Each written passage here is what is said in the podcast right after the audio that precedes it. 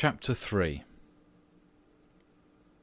The next morning, when the Otis family met at breakfast, they discussed the ghost at some length. The United States Minister was naturally a little annoyed to find that his present had not been accepted. "I have no wish," he said, "to do the ghost any personal injury, and I must say that, considering the length of time he has been in the house, I don't think it is at all polite to throw pillows at him." A very just remark; at which, I am sorry to say, the twins burst into shouts of laughter. "Upon the other hand," he continued, "if he really declines to use the Rising Sun Lubricator, we shall have to take his chains from him. It would be quite impossible to sleep with such a noise going on outside the bedrooms." For the rest of the week, however, they were undisturbed, the only thing that excited any attention being the continual renewal of the blood stain on the library floor. This certainly was very strange, as the door was always locked at night by Mr. Otis and the windows kept closely barred. The chameleon like colour, also, of the stain excited a good deal of comment. Some mornings it was a dull, almost Indian red, then it would be vermilion, then a rich purple, and once when they came down for family prayers, according to the simple rites of the Free American Reformed Episcopalian Church, they found it a bright emerald green. These kaleidoscopic changes naturally amused the party very much, and bets on the subject were freely made every evening. The only person who did not enter into the joke was little Virginia, who for some unexplained reason was always a good deal distressed at the sight of the blood stain, and very nearly cried the morning it was emerald green. The second appearance of the ghost was on Sunday night.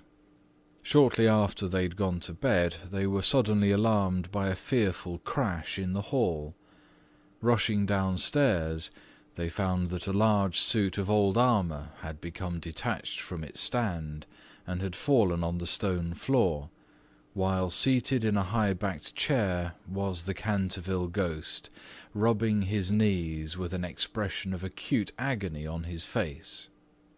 The twins, having brought their pea shooters with them, at once discharged two pellets on him with that accuracy of aim which can only be attained by long and careful practice on a writing master, while the United States Minister covered him with his revolver and called upon him, in accordance with Californian etiquette, to hold up his hands.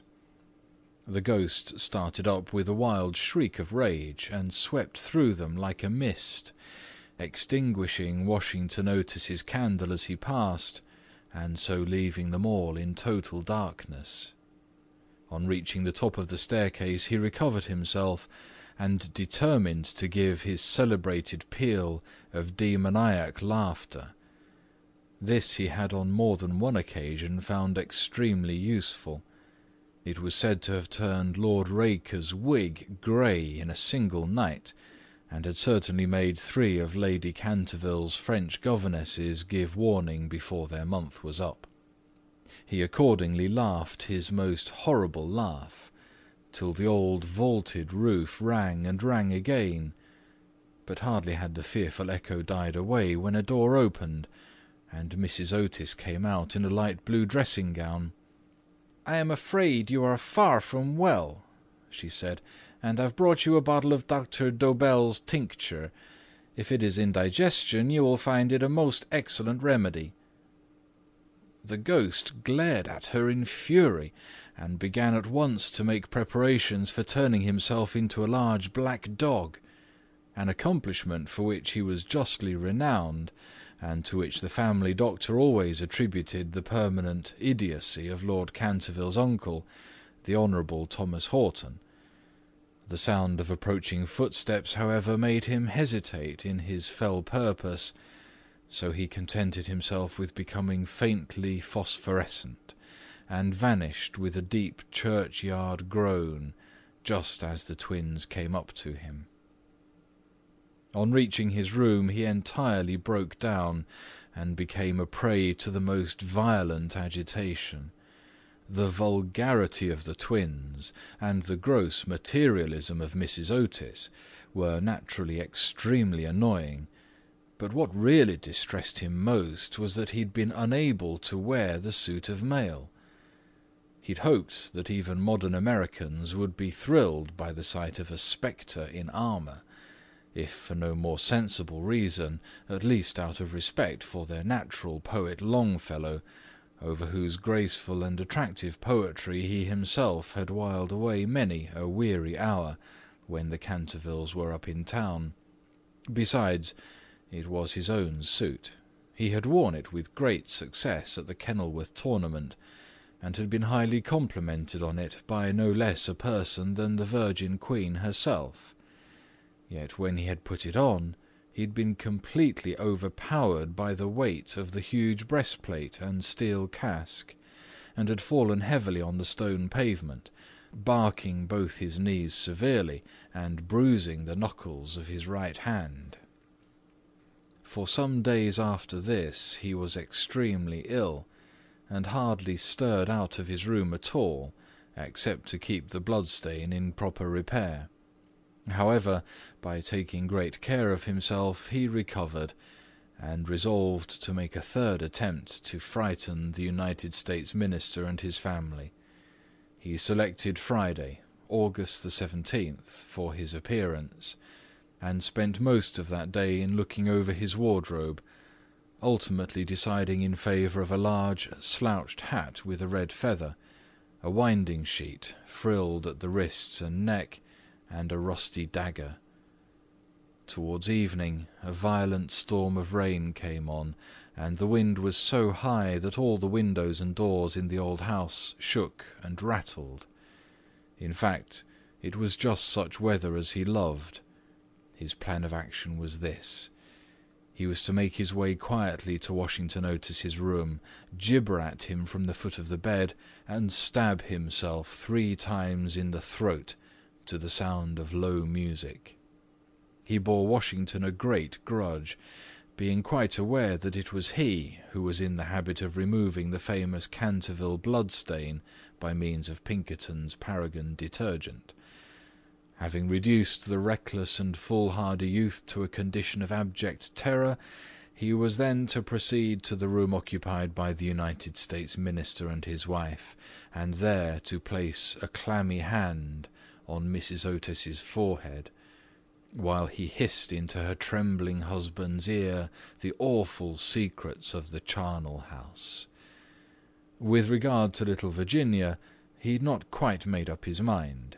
She had never insulted him in any way, and was pretty and gentle. A few hollow groans from the wardrobe, he thought, would be more than sufficient, or if that failed to wake her, he might grabble at the counterpane with palsy twitching fingers. As for the twins, he was quite determined to teach them a lesson. The first thing to be done was, of course, to sit upon their chests so as to produce the sensation of nightmare.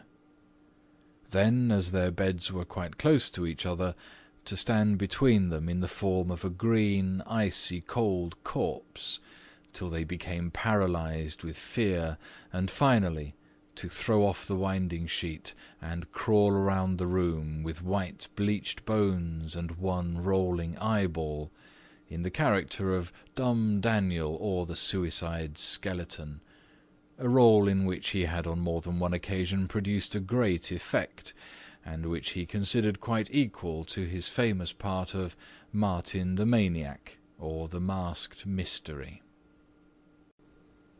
At half past ten he heard the family going to bed. For some time he was disturbed by wild shrieks of laughter from the twins, who, with the light-hearted gaiety of schoolboys, were evidently amusing themselves before they retired to rest. But at a quarter past eleven all was still, and as midnight sounded he sallied forth. The owl beat against the window panes, the raven croaked from the old yew tree, and the wind wandered moaning round the house like a lost soul. But the Otis family slept unconscious of their doom, and high above the rain and storm he could hear the steady snoring of the Minister for the United States. He stepped stealthily out of the wainscoting, with an evil smile on his cruel wrinkled mouth, and the moon hid her face in a cloud as he stole past the great oriel window, where his own arms and those of his murdered wife were blazoned in azure and gold. On and on he glided, like an evil shadow. The very darkness seemed to loathe him as he passed. Once he thought he heard something call, and stopped.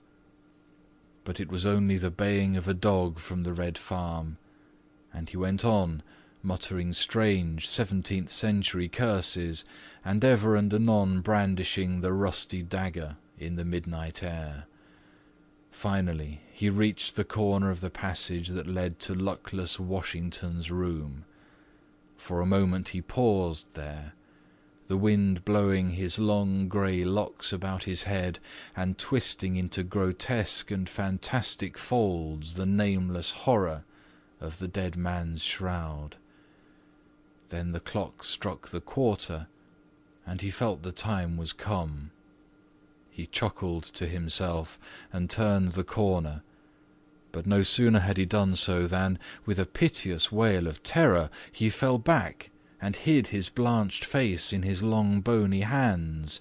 Right in front of him was standing a horrible spectre, motionless as a carven image, and monstrous as a madman's dream. Its head was bald and burnished, its face round and fat and white and hideous laughter seemed to have writhed its features into an eternal grin.